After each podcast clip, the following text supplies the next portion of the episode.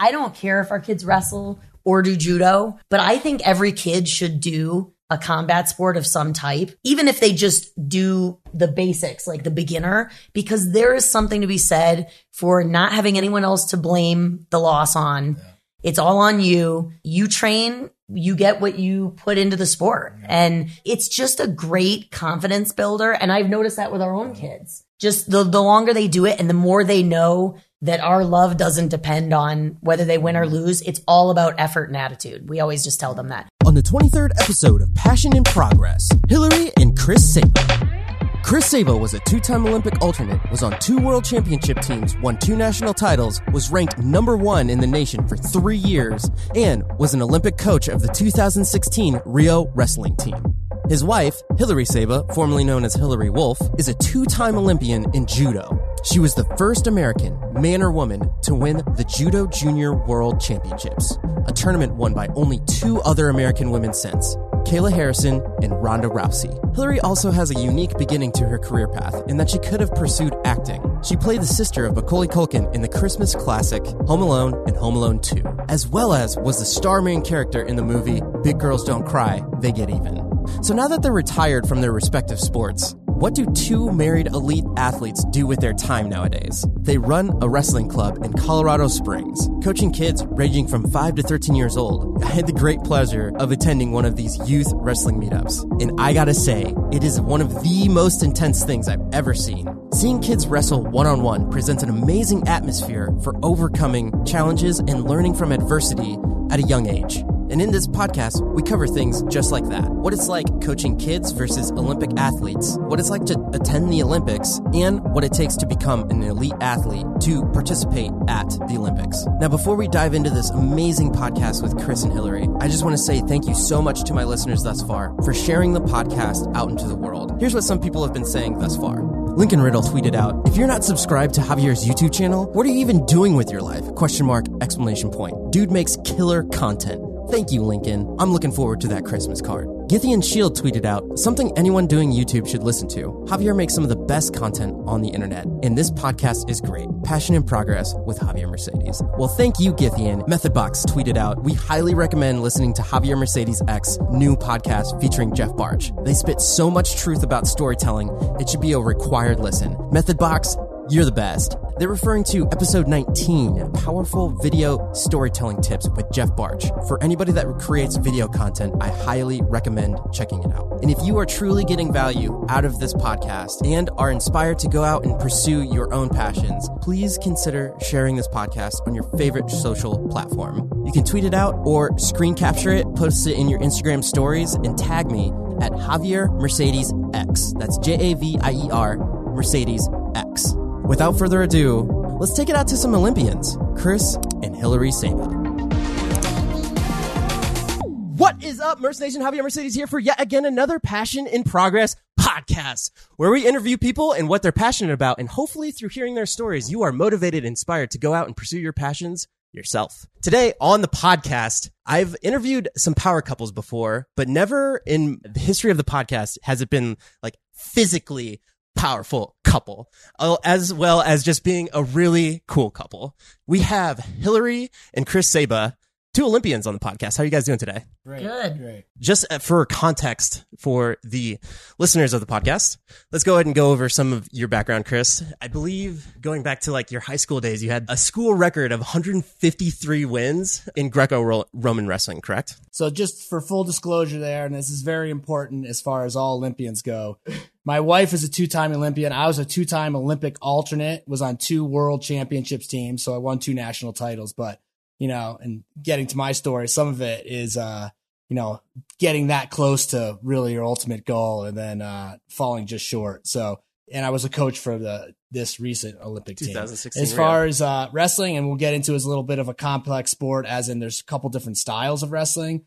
Internationally, they compete in Greco-Roman and freestyle. When you watch Iowa, Iowa versus Penn State, that's folk style or collegiate style wrestling you know, my 153 wins through high school was actually in high school wrestling. I think that, uh, you know, that number has been come and gone. So there's other people that have Oh, I know, achieved, achieved that. So yeah, I kicked some butt and I was very good. I was one of the best wrestlers in New York State during my time. Yeah, you were you were ranked number one in the nation at one point in time, weren't you not? Sure, for like uh, three years, and that was uh, actually kind of peaked at the end of my career. So when I, my my best years were when I was maybe 26 till 30 years old, which was good to kind of always finish on a high note. You were part of one of the original people at the uh, training center, correct? Correct for Greco. Yep, yep, and I you know a little bit of a luck of, of what time I was competing at, and they started a uh, a resident wrestling program in uh, Colorado Springs in 1993. Just graduated college, kind of in lieu whether I wanted to continue wrestling, potentially try to make an Olympic team, or just get out there and grind out a, a work uh, somewhere. And uh, you know, I opted for the opportunity to go and pursue uh, making an Olympic team and winning world medals. And uh, so that's that's why, just because of that, '93 is when I graduated from college, and that's when they started that program. And it's a robust program now that's you know progressed through the years and you know, we, we had some colleagues that started the same time as me that did very well. So I was blessed to have that opportunity. Did you you won one of the worlds, didn't you? I did not win the Okay. world championships. That, that's her. Okay. By the way. Okay. She, she's the world champ. You know, ultimately, what I'd like to talk about is that, you know, obviously was very good, but it was not an Olympic champion, was not a world champion. You're an alternate, though. Yeah, yeah, yeah. So I did very well. I did very well, but you know, a lot of my uh, I, I had exposure to people that and friends that did achieve that, saw what they did to do it. Can't say they did much different than me, and and a lot of life can be. uh you know, right place, right time, and putting yourself in a situation to win. And then there's also no guarantees, even if you do that. Well, that being said, that gives you some context into Chris's background. So definitely no downplaying. Then the fact that you were coaching the 2016 uh, Greco is awesome. Um, let's go ahead and talk about you, Hillary, uh, which is quite the storied background, if uh, anything. But obviously, you were in the Olympics twice, uh, 96 and 2000, correct? Yes. For judo. And then after high school, I want to say, or just teenage years, you pivoted from your career in Hollywood. Every what most people know is the sister of Macaulay Culkin, and then uh, Big Girls Don't Cry as well. Uh, going on from there, part- participating in two Olympics, and then also what you just said, winning. It was the very first uh, juniors, wasn't it, that you won in judo? It was the first time an American won the Junior World Championships. That is bad. Thank you. Um, but uh, let's go ahead and dive into both of your guys' uh, beginnings and just how you guys got to where you're at now and what you guys are doing with the wrestling community here in Colorado Springs now. But uh, since we're on you, Hillary, let's go ahead and talk about like where you were at as a kid and how you just got into judo and how you pivoted and did all that stuff. Okay.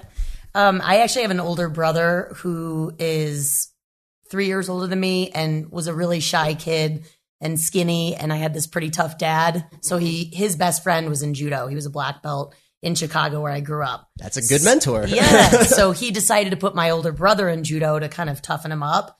What he didn't expect was for his five year old daughter to jump in instead. So I actually started going to judo practice and watching every practice and participating kind of on the side. And after two years of doing that, I finally convinced my parents to let me compete. And so at seven years old, I went to my first junior national tournament. It was in Chicago. So my dad said I could go, got my butt kicked, decided I didn't like that too much. And so that was kind of the beginning of my story. After that, I pretty much dove in head first and just was really dedicated from the very beginning with my athletic career. And I always loved sports and um, was pretty passionate kid from the very start. Didn't take a lot of encouragement for me to go to practice or do extra stuff. It was just kind of who I was as a kid. And then the acting stuff was kind of something that I fell into, totally not planned. Friend of the family met me at a party. And I always say to people, I think that I spoke kind of like I do as an adult. Mm-hmm. I mean, I had the same deep voice. I was pretty outgoing. And this guy was in the business somehow and told my mom, you've got to get her picture taken. And she was really hesitant, totally not game. But after a while of the guy nudging her, she got my picture taken. And one of my brother's classmates, the mother was a talent agent in Chicago. And so she, you know, represented me. And within a month, I had a part in an Alan Arkin movie. I played one of his daughters in some Christmas movie. It was called A Matter of Principle. And then it kind of just went from there. Mm-hmm. There's quite a bit of luck, I would say, in acting as far as when you're a child actor. I mean, if you're outgoing and cute and willing to, you know, talk in front of a camera and not be shy. That's a big part of it. Um, and then the other thing is if you look like somebody and you need to be the daughter of somebody or you know the son of somebody, then it helps to get you parts. And plus, I lived in downtown Chicago, so there was kind of that accessibility of tons of casting agents. So it just kind of one thing led to another, and obviously Home Alone was a John Hughes movie. Everybody knows John Hughes did all of the movies in Chicago. So Ferris Bueller's Day Off, Pretty in Pink, Breakfast Club, all of his movies he did in the suburbs of Chicago. So that was just a really nice, definite yes because A, it was John Hughes, and B, it was, you know, I got to stay at home even. One question I had for that is how do you get into just competitive judo as a kid? So there's not a ton of opportunity. I'm not as sure now as as much as when I was growing up. We did a lot of driving. I, I grew up in Chicago, like I said, so pretty much the entire Midwest. We would go to tournaments in Michigan, Indiana, Wisconsin, and you just basically had to travel to get in enough competitions. But it's all basically it's a club sport.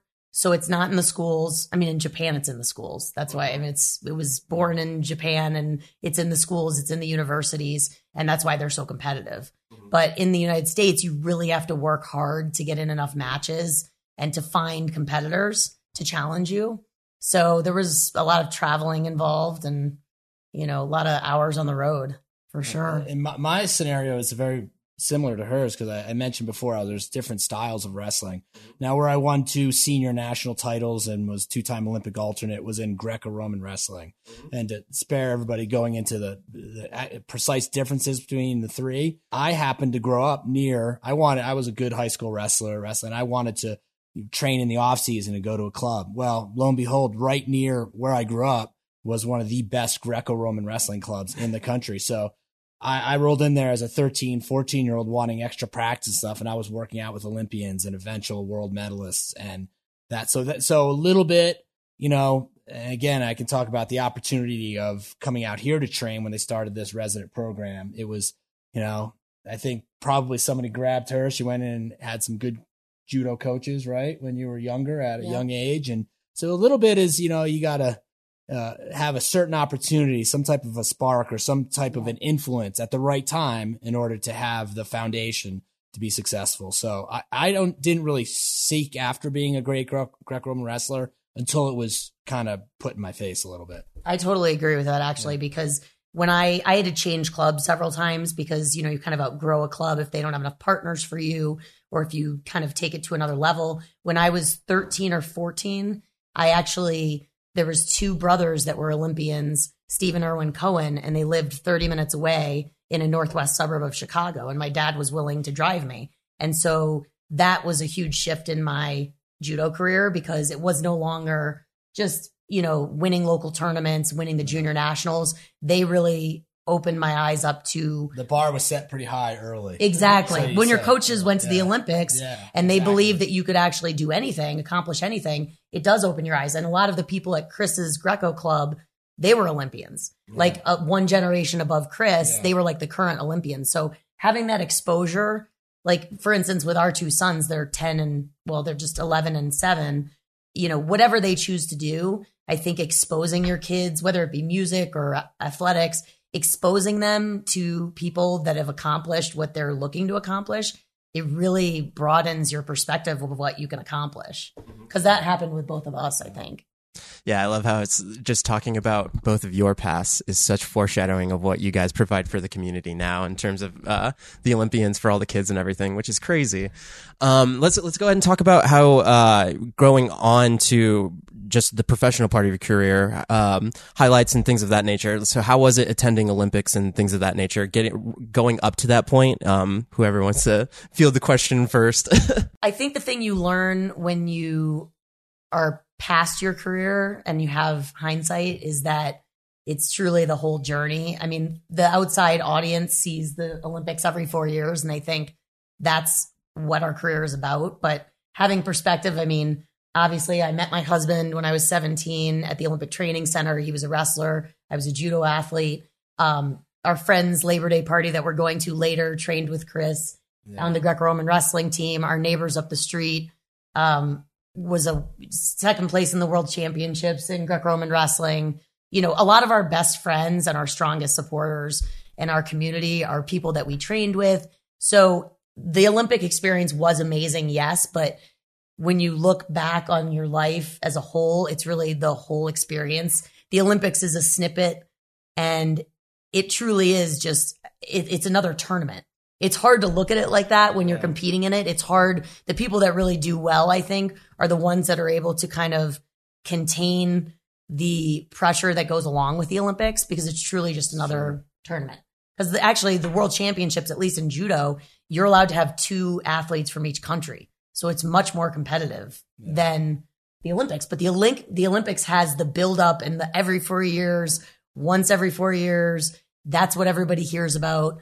Um, but as a whole, I think right after my career, there was definitely some disappointment because I felt like I would have been an Olympic medalist. Because I had won the junior worlds at 17 years old and I was the first American to do it, those are the athletes typically who place at the Olympics. Um, the top three medalists at the junior world. So I had high expectations for myself. I always did. And it was kind of my best and worst quality because it pushed me to strive to really achieve but it also didn't allow me to really um, celebrate my successes. I feel so. Um, there was some disappointment for sure. Not as much with my first Olympics because I was only 19 years old. I, I had an amazing experience after I was done competing. There was some disappointment, but it was truly the beginning of my career. I was excited. I felt like I still had an opportunity to achieve all my goals. After the 2000 Olympics, there was definitely it was hard for me to have any perspective because I really just wanted that medal so badly. Now, in retrospect, you look back at your entire career, and like I said, I met my husband. We run a wrestling club. We have tons of friends who are, you know, we trained with judo and wrestling, tons of athletes. My life as a whole has been enriched so much from pursuing my passion Mhm. of judo. And that kind of leads me to the one thing a lot of people ask me about is when I decided to quit my acting career to pursue my judo career just solely. I quit acting after I did Home Alone 1 and 2, and I starred in this movie called Big Girls Don't Cry. William Morris, which is one of the biggest agencies, picked me up after that. And shortly after, my dad took me to my first senior national championships, which I thought was ridiculous because I was 14. But he always was push, push, push, pushing because he thought, well, she, until she loses, I want to keep pushing her to see how far she can go. So I ended up winning that tournament. And I had just switched clubs to my two uh, coaches were Olympians. And I just decided on my own completely, you know, I don't want to act anymore. It wasn't my passion. It was something I kind of fell into. And it's not that I didn't enjoy it, but I really knew that I wanted to pursue the Olympics and I knew I couldn't do both. So I just went and told my parents, all right, I actually don't want to act anymore. I just want to do judo. And thankfully they said, okay. And that was it. There was no discussion. That's crazy. Yeah. I love the thought of just like, well, you know, I'm just gonna go to the Olympics. That that's that's that's that's that's my goal now. That's so cool. Uh, what about you, Chris? Going from college into the Olympic atmosphere. So I- I'm a little different story. As in, I, I'll be honest with you, I I had you know aspirations of you know I think my goals were set a little bit shorter than hers when I was younger. Until I eventually got to be an adult. Maybe men mature a little later than women do, or something. But I really didn't like envision myself winning an Olympic medal or making an Olympic team till I was probably 20 years old or so. You know, and uh, it was after uh, I had some success at a national level, and I, I wasn't traveling as extensively as she was to these international tournaments at a young age. But then when I when I had the opportunity out here, had they not started in 1993 an Olympic training center program, I might not have ever wrestled again, to be honest, because I was on the fence and I was good, and but I also had a, a career ambitions and I wanted to do that. But I really enjoyed the wrestling, and it, it's you know sports like judo and wrestling are something you really you know, you can kind of pat yourself on the back because you kind of, you know, it's mano a mano, one on one. You earn it, you know. Like I know her. Think, you know, the the the acting thing she was great at. I'm sure she had to work hard and remember those lines and all that. But it kind of was, you know, and tell me if I'm right. You didn't really have to work for it. All the blood, the sweat, the the risk taking, the uh, you know, the uh, that feeling of anxiety you have to overcome when you go out and compete in a one on one sport. So not to go off on a tangent, but that, that's why I encourage, I think, young athletes, men and women to to compete in some type of a, uh, you know, I think sports are a great foundation for, for setting goals and achieving things. But so, uh, the, the one-on-one, especially combative type sports are, are unique in the, in the, uh, the challenges you have to overcome. So I totally agree. And I think that's part of why we ended up taking over our kids' youth wrestling club a couple of years ago. Can you say the name of it really quick? It's called Rocky Mountain Wrestling Club. And we obviously are doing it a lot for our ch- own children because we have two boys, 7, 11. They both love wrestling. They want to wrestle like their dad. Um, but also we have, you know, in our community, just close by, so many of Chris's ex teammates who trained with him who want to pass it on. There's something about being an athlete where there is this feeling that you want to pass on the opportunities that you got to other kids. So just like Chris and I got to meet Olympians when we were at a young age and it inspired us and, you know, improved our own athletic career, we're bringing in our friends. You know, this guy won the Olympic championship. This one won the world championships. This one won the Olympics. We have just access to all these people that are just so inspiring. And not only that, but they're great people. And that's who we want to expose our own kids to and then the kids in our club. It's a fulfilling experience for us. I mean, at first, I think it started as just helping our kids along, but it's been something much more than that, which we've really enjoyed. It seems like you guys are very much about the journey of um, individuals, in, including yourself, in terms of where you want to go in life. Um, can you talk about coaching your own kids versus coaching other people's kids? Like how how is that? The coaching we're doing now with this Rocky Mountain Wrestling Club, just for disclosure, I mean, there's kids five years old to 13. So, and I was also, I was the coach of the, you know, Olympic team. And these are like the top of the top athletes. It's way easier to coach at that level than it Yes. is a youth level. That's So- hilarious. So yeah. And So, it, and then it's exponential, you know, when you have to coach your own kid, which I actually don't think it's, it's a good, uh, good mix. So, you know, I think Hillary agrees with me on this one. Like when my kids are wrestling in the corners, we find it better to have a different coach. Uh, when my kids wrestling in a match, a different coach to be in the corner. Now, you know, if there's nobody else, I'll be there. And I'm, of course, I'm watching close by, but, uh, it's, uh, you know, there's just a, it's the child parent relationship and, you know, they, they, they know everything. You don't know anything, but coming from a different person and, uh, I mean, it's, it's, it's pretty cut and dry. I mean, I would give that encouragement to any parent. You know, you're, Yeah. you're not going to do a good job coaching your son or daughter as somebody else will. And I think, I think that's, you know, well, you'll see some relationships out there. I don't know. And, and you see, oh, this is the dad coaching the tennis player till Yeah. Wimbledon or, or It's whatever very it might be. But God, I think it's the rarity. So, Yeah. um, you know, I don't know where we got off on that. I think one thing I want to add too is we come from such different backgrounds because I was pushed really hard.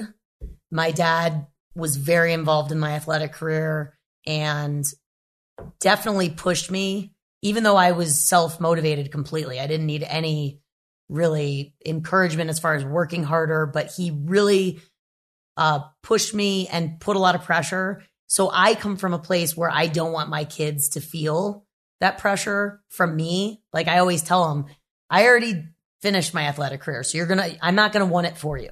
Cause I think there's a lot of parents who want their kids to be, Live vicariously yeah, they want their kids to have athletic achievements, but it's something that it's inside of them. I don't have that.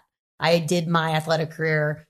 I did what I did. I lived my life. It was my choice. I'm not going to have, I'm not going to be that person who's pressing them. Now, if they want advice, support, um, any of that, I will be there for them. But then Chris comes from a perspective where he thinks actually, I mean, his parents were supportive, but they didn't push him. And he thinks maybe, you know, somewhere in between is probably better, somewhere in between my experience and his experience. So we kind of try to balance that. We want them to work hard. I mean, the thing I wanted to to say about what Chris was talking with kids competing in combat sports, I don't care if our kids wrestle or do judo, but I think every kid should do a combat sport of some type, even if they just do the basics, like the beginner, because there is something to be said for not having an, anyone else to blame the loss on. It's all on you. Um, you train, you get what you put into the sport. And so I don't know if our kids will want to continue. Um, maybe they won't even wrestle in high school. I'd be surprised if they didn't because they seem to want to do what their dad did. But it's just a great confidence builder. And I've noticed that with our own kids. Just the, the longer they do it and the more they know that our love doesn't depend on whether they win or mm-hmm. lose. It's all about effort and attitude. We always just tell them that. As long as you do your best, who knows if somebody's better than you? But if you put your best effort in, you can feel good about it. So we've seen great results, I think, with our kids as far as like confidence building and a lot of our wrestlers at the club. I'd say 90% of our kids knew zero wrestling when they walked into our club. Mm-hmm. Chris literally took them from, most of them don't even know their left from right foot. it's like insanity. So there's, you know, it's tough work, but it's, it's fulfilling because you see kids get confident and grow in the sport and you know it's going to serve them in life. That's basically the broader picture. To give uh, viewers and listeners some context, I, I went to one of the meets and it is intense what you guys are doing. Like just to see little kids doing what they're doing. Um, it's especially uh, my niece and nephew, Cade, who you guys uh, coach, Cade and uh, Briley, just seeing them on the floor, just exactly what you're talking about, giving them that experience. It, it it's totally like it's like a, a, a sw- switch happens where they're just like, all right, we're gonna get this pin or whatever have you at that moment. But it's really cool to see somebody at that age be so dedicated to something for just that like what exactly what you guys are talking about where it's like that one-on-one and you're completely accountable for yourself. It's very powerful. Yeah. um I Heather was telling me the story about how your dad would take you and put you in situations anywhere where like, all right, guys, I want you to like duel with my daughter, like, and then and just like until she loses or can you can to you quote my dad, he would walk around tournaments after he already put me in probably two different divisions, the boys division, the girls division. He'd walk around tournaments and go, "Who wants to fight my daughter?" Literally, it would happen, wouldn't it? Oh, it would happen every time. They would, he would set up some exhibition match, and a few times there's a few that I remember specifically. One that I weighed 75 pounds, and this girl was 115, and our family friends who were with us were like, Malcolm, this is ridiculous. Like, you're this child abuse, you know? like, you should not be doing this. But then I would go out there, and I actually remember this one match, and it was tough. And she was a lot bigger than me, but I ended up squeaking out the win. So it just kind of like pushed my dad further to keep doing what he was doing because I kept winning and I kept meeting the challenges. So I think in his own way, he was trying to. I mean, if you're, you don't want to see your kid just beat everybody handily. I, I think that's kind of the weak way to go. You want your kid to be challenged. It's not really great. I love in wrestling uh, with the beginners now, they have A, B, and C groups. So the C's are beginners. And if your kid starts beating all the C's easily, you move them up to B and then you move them up to A. You want your kid to be challenged. So I think that that was what my dad was looking for. It just, from the outside looking in, it seemed a little over the top. Yeah. But, But- you were winning, so I was winning. I was winning. And something I was going to say, add about your niece, who I love, Briley. Mm-hmm. She's 11, correct? 11, almost 12. She does not seem like the typical Exactly. wrestler. Exactly. Right. So I actually coached her because I coached a couple seasons of track at the kids' elementary school. The coach left and I took over with one of my friends. I'm not a huge runner. I used to do track in high school and stuff, but I mean, it's basic introduction to running and working out and stretching and competing. And so Briley had done running with me and I felt like there was a little part of her that wanted to do the wrestling because Chris and I were involved. And so it's like that whole opportunity I feel for Chris and I to pass it on where she's trying something that's maybe outside of her comfort zone. And I feel like it's given her a lot of confidence. And she's beaten a lot of boys. I think. Yeah, yeah. I was there. I was there Yeah. when she did it. we surprised her parents, you know, because I think they were thinking their son, Cade, who's great and picked up wrestling really quickly, he would be the one. But I think for her, it's maybe served a different purpose. Mm-hmm. And that's the thing with with kids. Not that I'm a parenting guru by any means, but I just see, you know, you want to build your kids' confidence, and sometimes they don't know what they're capable of until they're willing to put themselves in that position. And I feel like with Briley, that was something that I was kind of proud of the fact that she put herself out there and then she saw some success. You know, even if she doesn't continue wrestling. facing adversity and things of that nature that leads me to the question for for both of you guys in terms of whether it be kids or when you guys were uh coming through the ranks yourselves talent versus hard work what are you guys opinion on it especially at the olympic or uh, an olympian level I have a lot of opinion on that. I, I think I, I mean I've felt this for a long time just because just through my training and seeing a lot of my teammates and the ones that were really naturally talented, I think it's a little bit of a curse. The kids that are completely all natural talent, they just from the get go, they win everything. It, it, sets up in their minds this uh, false belief that that you don't have to work that hard because they never really had to. I think I was kind of a good combination of both because I definitely was athletically naturally talented, but because my dad was really hard on me, I didn't think I was as naturally talented as I was. So I really pushed. And I also think I was just naturally mm, really self motivated. But I find that the, the people that are a combination of the hard work and some natural talent will almost always do better, other than the anomaly of just the super talent that nobody can beat. But pretty much, I mean, the hard work is what pushes you over the edge because it's just so hard. There's so many good people.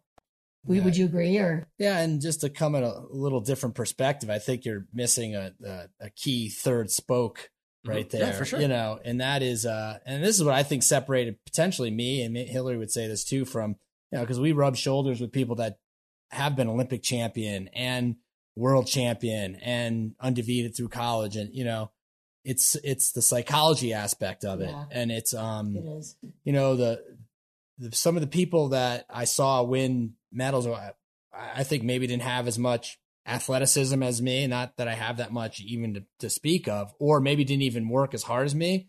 Uh, they they obviously worked very hard. We both did, but they had an uncanny uh, way of believing in this, so you know, and that that last one percent, which separates the champions. And this is something I've had a lot of exposure to because I've you know been coaching since I retired, and and uh, you know I've access at the Olympic Training Center, and uh, these these athletes that are winning medals versus somebody like myself who didn't win a medal and was close and you know it's like oh you were a great wrestler yeah I was a great wrestler but you know this guy that went and won a medal just seeing the way that they carry themselves and the confidence that they have and they really just almost you almost have to be naive to believing that somebody can beat you at least in a combat sport I know that yeah. now obviously the foundation of the hard work and athleticism and being healthy that day and all that are all, are all part of it. But I truly believe the most important aspect that defines that last percentage between being a great, great athlete and the best athlete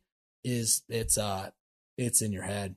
It's and and totally and, and that's why you know I think you're talking about power couples and all that, but the one thing that uh, I think sports have empowered me with is is confidence and uh, that's why like I you know I think you know nowadays you can you can swipe right to go meet somebody or you can send a text message. Well, guess what? You know you, you never really it, it kind of appreciate the anxiety of hey Javier I, am Chris you know you know exactly. you, you, guys want to go do this or or asking out your uh, girl on a date or uh, having to give a, a, proposal in front of a school all those things elicit a little bit of anxiety and, and you almost have to train yourself for that. So that, that's where I think that the most powerful thing is. And it's easy when you get further away from, cause it was very disappointing for me to be, you know, two time Olympic alternate. And that's great. That's awesome. And I won a couple of national titles, but I really wanted that, you know, the, I really wanted that title. But now I see I can look back and it's so cliche or whatever to say, but it really was the journey. And it's, you know, now in my professional career, I've done very well. And I, I see it's the, uh, all those little steps of being able to embrace a uh, uh, a challenge uh, and with just me embracing it, not not you know having my the right guard to lean on too. So there's a little higher perspective, I think, as far as you know what yeah. what really matters as far as being the best. So you got to believe, you know, if you're if you're an athlete and you uh, if you don't believe you can do it, nobody's going to believe. It doesn't matter what your dad thinks or your mom thinks or your coach thinks. Is like you got to believe it. So uh, and it makes yeah. a difference. Let's let's dive deeper into that because uh, one of the things that I love is that it is a one-on-one uh, sport, and you're like you're literally looking the person in the eye when you're when you're competing. What goes through your head in a match, just like a, a, typical match? Like, are you thinking about, all right, this is, this is the type of things where actually I'm not even going to try and speak for you because I have no idea what goes yeah, through your head, but, but, but, but, but, but literally there, it has to be, especially when you get to those tournaments and you get higher up into like, all right, am I going to place? Am I not going to place? Like, how intense is it? And what, what goes through your head when, when the, all that stuff happens? Believe it or not, this is an easy one to answer. My yeah. answer is going to be short. She can go on. As soon as the whistle blows, it's all good Yeah. You know, so it's a it's a it's an amazing and anybody that's done you yeah. know judo and it it really con- controlling the anxiety and the butterflies you know can really zap a lot of your strength. So there's a some training to that. Um, and that's why the real best guys, uh, you know, a good friend of mine, Matt Lindland, who's the head coach here now. And I remember I warming up with him before he was going out to compete in the Olympic finals, you know, I was freaking, I was more nervous than him. and he's a goofy guy like that. And he, he'll yeah. say it himself, you know, and he was, did some ultimate fighting and, but he had this uncanny and I always kind of lean on him. You know, I look back at him and say, wow, he had it because yeah. he had the ability to, to turn off the, or at least give the perception of that. I mean, you know, turn off the the jitters to the point where it was zapping your own strengths. But I will say to anybody that's thinking about doing a combat sport or or whatever, a one on one sport, as soon as the whistle blows and you engage, yeah, the the, ner- the, the nerves go away. I would agree with that. I would say the nerves is leading up to yeah. going out there. Once you're out there, the preparation and the training just takes over. I think the worst thing you can do when you're competing in a combat sport is to think about what to do.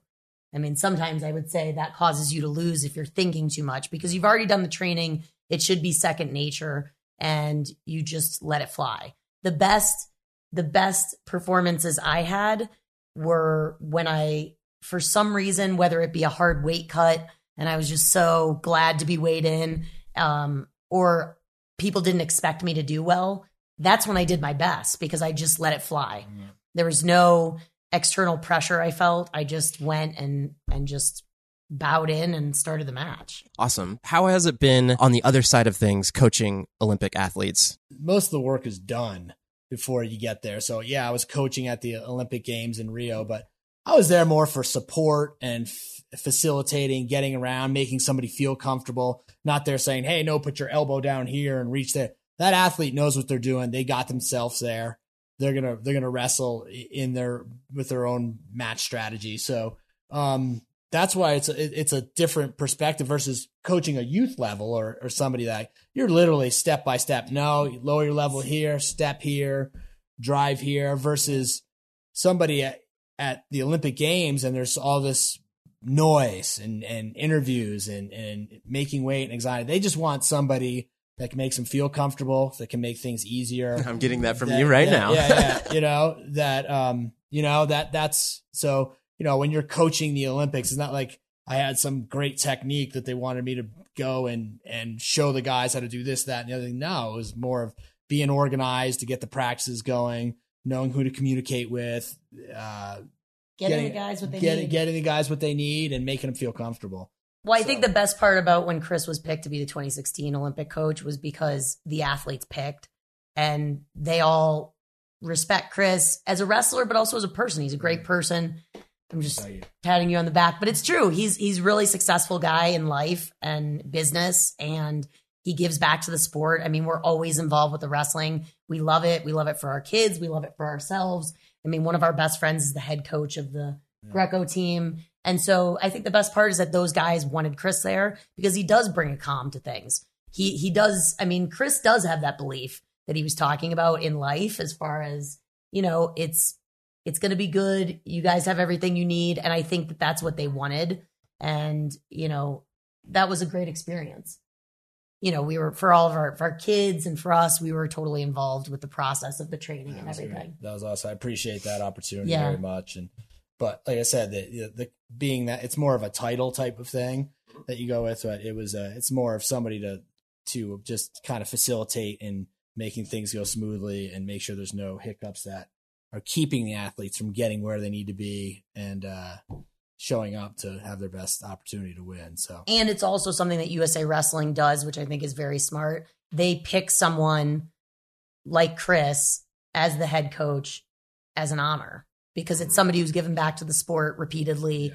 And that's the best part about it. I mean, being involved with the guys and trying to help is great and exposing our kids to this experience that, you know, we're long retired, so our kids didn't get to see us while we were competing, but now they get yeah. to meet all these guys that are in the process of pursuing their passion, which is great. Yeah, that leads me to another question. How did the perspective of the other Olympians that are helping you coach now, the kids, how did their perspective just on wrestling in general? How is it now? Uh, it's an interesting question. I guess I couldn't answer for them, but you know, it's very rewarding Uh, it's very rewarding for them. I mean, they, they've all, you know, and Robbie Smith, who's a, a real charismatic guy who now just took, was my assistant coach last year, my co-coach. I didn't call it assistant coach, you know, there's, um, he just took a job at Northwestern University coaching there and he's still training for the Olympics.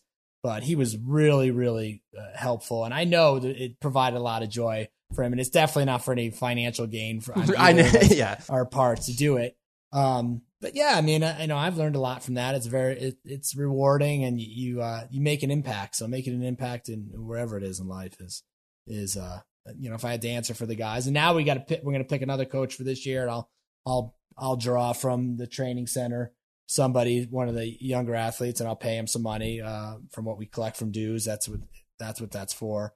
Um, but then we'll always have like guest athletes, and our guest athletes that come in, which is amazing, are you know we've had like four or five Olympic champions come in and talk to these kids. I think some of the kids don't even realize the you know. No, the parents the- are more impressed. the parents are all like, which is cool. and the kids are just like, oh, Wow, he's not cool all of them, but yeah, Yeah. no, Yeah. it's true. I still think though, you know, some things never change about sports as far as, you know, it's a different generation and, and so it is somewhat different, but like Robbie, I mean, he, he's putting the same effort and passion into what we did 20 years ago.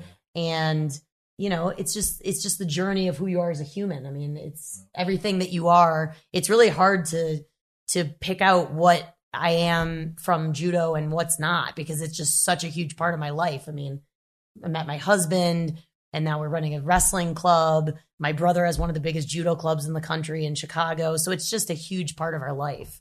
At this point, then, what would you guys say is like the highlight of your guys' career? Because it's, it's seeming like the like what you guys are doing now, giving back to the community. But how would you guys answer that?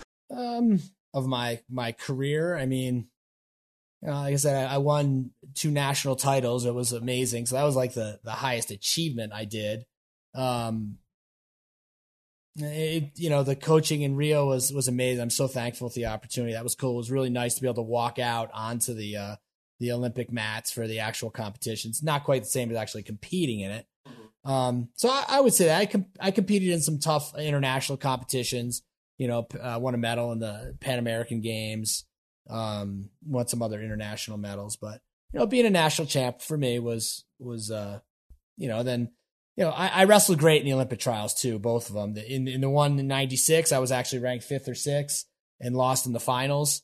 Uh, and then I was the best guy the, the three years in between there. Um, so two of the years I, and then in the finals got beat fair and square in the Olympic trial finals in 2000 in Texas.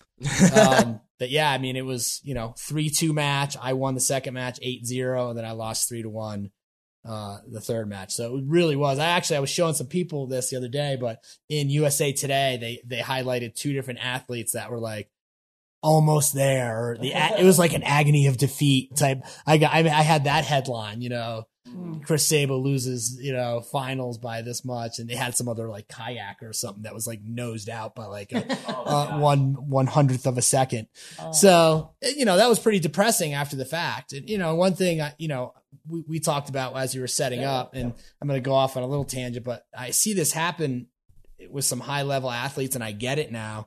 And uh, probably the same for athletes across, you know, different different disciplines. I want to say whatever, baseball, football, whatever. But sometimes it's it's a can be a little bit of a curse if you can't manage it because uh, I've seen guys that uh, had some had some real depression issues and uh, substance abuse issues after being Olympic champion or uh, you know whatever I'm sure World Series champion whatever because Yeah, yeah. it's such a high. I mean, there's no better feeling like like said, man, winning that national title and it was just it was amazing that that, that feeling achievement, but it's very hard to replicate with other things in life. So I think uh, that's one thing you got to be cognizant of, and and I know other athletes have probably had, that have seen some high level athletes that had some tough times after the fact, um, and I know that's what it's from. It's just you just you feel like you'll never get to that pinnacle again. So And he's talking about people who won the Olympics. yeah, like Olympic champions. I mean, yeah, because it's so it's true. understandable because it really is hard to to replicate like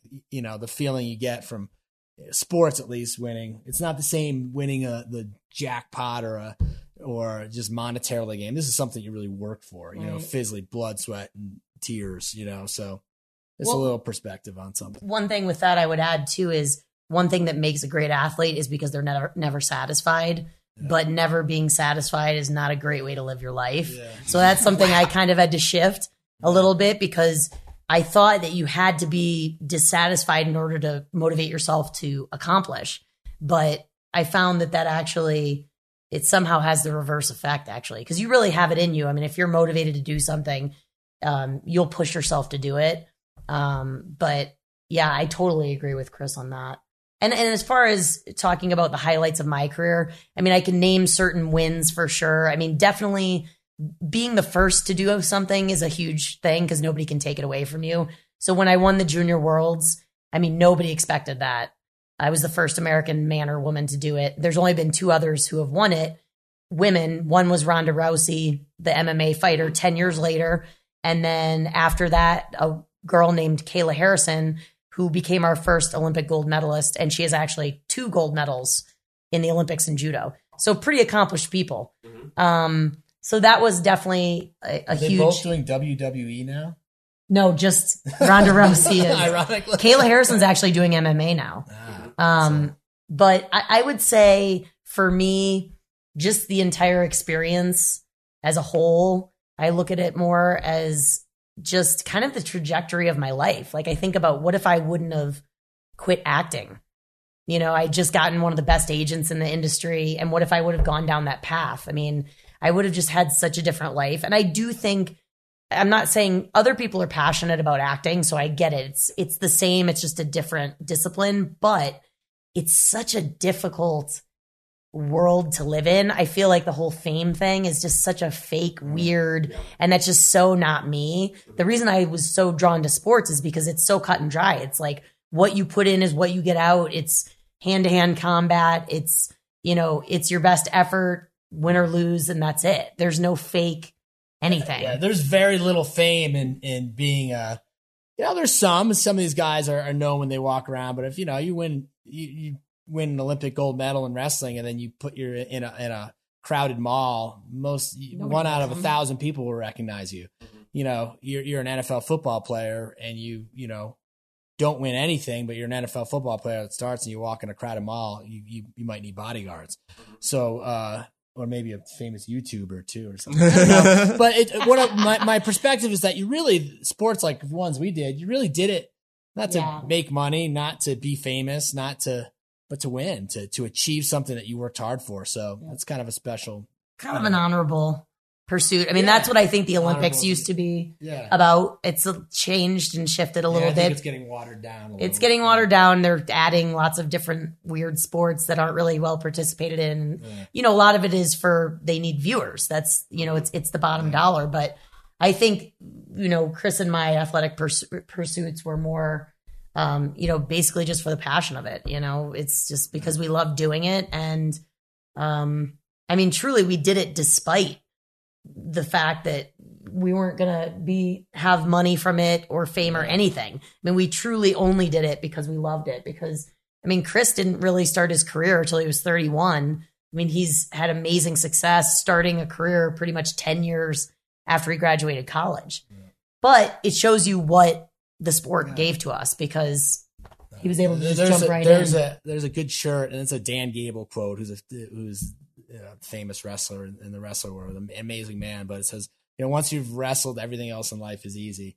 And I kind of feel like not everything else in life, you know, parenting can be tough and raising kids and all that, but you know, business wise, and uh, you know, for what exposure to business I've had, it, you know, I've been in a, in a uh, orthopedic uh, sales business. I don't know. I, it's not that it's been, you know, you know, I've done really well, and it's a lot of it's just been from work, the work ethic I've learned from from wrestling, and and uh, you know, finding a way to check the dot, you know, check off what needs to be done to get to the end goal. So uh, I think it definitely really preps you for being successful in in uh, and why a lot of these corporate corporations like to hire athletes and specifically I, I know a lot that definitely uh favor look high on wrestlers for employment and stuff so it can it can you know you might not see that as the, the end you know, what you're going to get out of it 15 years later. You guys have perspective though. Yeah, now, yeah, looking back, now, Now I see, do. oh, it's like all that. Took a decade or so. Yeah, exactly.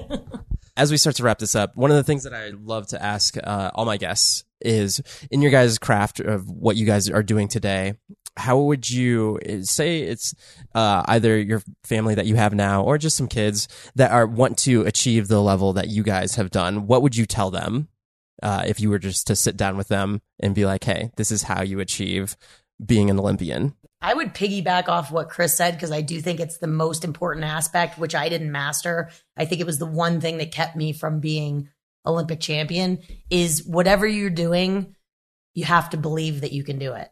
I mean, truly, you have to believe to achieve.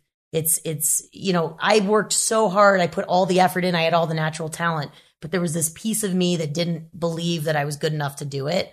And so I would say for them, of course, the preparation, of course, the passion, of course, the effort and research and everything, but you have to believe that you can achieve whatever that end goal is, whether it be a dancer, a musician, a singer, an athlete, whatever it is. You have to really believe that you can reach that end goal. Sure. And then you just, it propels you forward. I second that, but I'd say one thing that that helped me uh, is set some goals, set some short term, long term goals, and and write them down. You know, actually write them. Hold yourself accountable to that, and uh, always, uh, you know. And when I say setting goals, set set some achievable ones, and then set ones you think you never could possibly achieve. Have like tiered goals because you just never know. I mean, like I said, don't don't set the bar too low uh, to yourself because that can happen. And you know, take yourself out of your comfort zone. It doesn't have to be way out of your comfort zone, but baby steps. Like that's why, like, I'm nervous to do this. I don't know if I can do this, but maybe I can. That's the one you go and try to tackle. And Right. you're better off if you do that.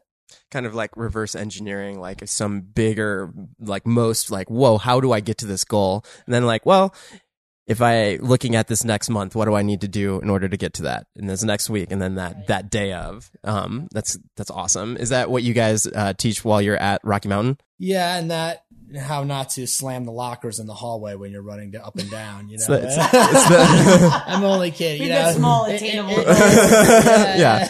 No, it's it's different. Not that it's it's uh yeah. For some of our older athletes, I mean, Yeah. we have such a diverse group. We literally last season we had a four year old.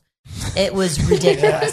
what do you want to do in life yes. So, I mean, I think we have um, some older athletes who are starting to think about goal setting and, you know, high school, they're going into their high school wrestling career and stuff like that.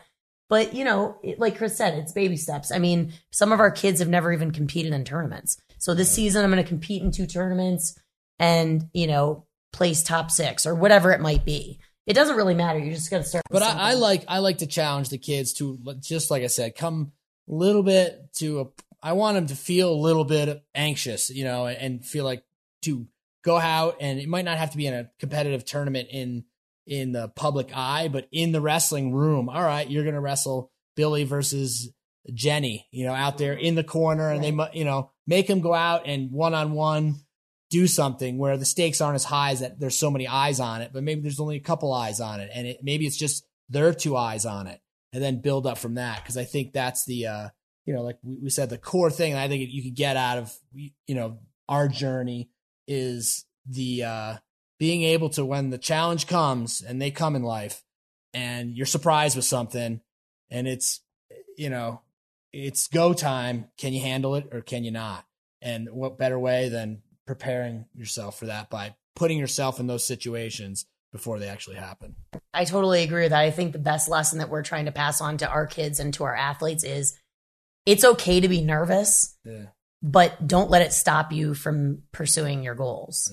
You know, because I was nervous as can be. I mean, I threw up before tournaments when I was a kid for years. It was ridiculous. I was like my thing. I threw up everywhere. My dad's like, "What the heck?" yeah, it was like my thing. But um, I, I I never let it stop me from doing what I wanted to do.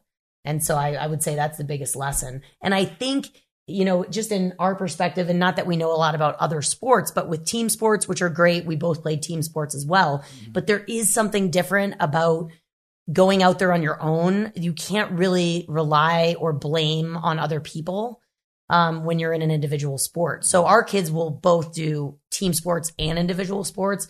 because of that. I mean, we've been to, we did the whole soccer thing. It didn't even feel like it was a game. I don't know if anybody knew the score at the end. You know, I mean, for us, like I want there to be a winner and a loser. I think as parents, this generation, for some reason, we're kind of the pendulum has swung and we're trying to protect our kids a little bit too much from the winner loser, A grade, F grade. Like, you know, nothing is just the way real life is, which is it can be harsh. Yeah. But I'd rather them be prepared. And it's not like I want my kids to be, you know, depressed and sad about losing. I want them to see, hey, you lost, but guess what? You trained your hardest. You gave your best effort. And guess what? Nothing happened. We still love you. You have a great life and the world keeps on going. I think that's actually a great lesson. And we're trying to protect them a little bit too much from that.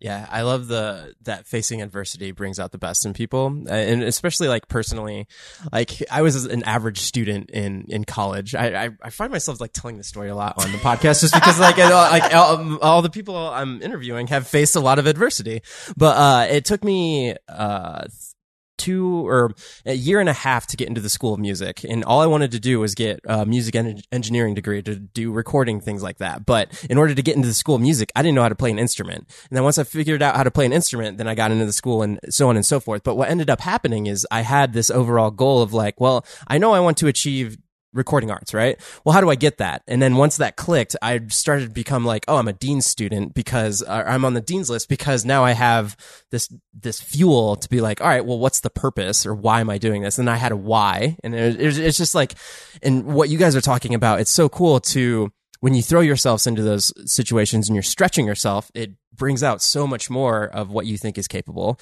Amazing story, guys. Amazing. Thank you so much for your time. Thank you. This is great. Um, where can people, if they want to get involved, where can they find you? Uh, well, we live in Colorado Springs, Colorado. You know, if you got a a, a young uh, uh, man or woman, boy or girl, however you want to say it, that's interested in, in wrestling and uh, wants to give it a shot, we Rocky Mountain Wrestling is our club, and uh, you know we we have a website, the Facebook page thing, the whole deal. So you you could Google it and find it, and you know all is welcome, and or reach out to us. So that's that's what I would say. If and if not, good luck with. Uh, pursuing your uh pursuing your dreams Awesome. Thank you guys so much. Thank you. If you want to catch me, I'm at Javier Mercedes X on all the social things. And if you want to support the podcast, leave a review on iTunes. I'm just going to repeat it again. Leave a review on iTunes. Thank you. All right. Uh, thanks again. Until next time, ask yourself why. If you enjoyed this episode of Passion and Progress with Javier Mercedes and got value out of what you've heard today, please consider sharing this episode out with a friend. Share it via Twitter, Instagram, Facebook, and tag me at Javier Mercedes X. That's J A V I E R Mercedes X. I love reading what people have to say about the podcast, and reading your feedback is what makes this podcast better. Thank you, and go out and pursue your passion.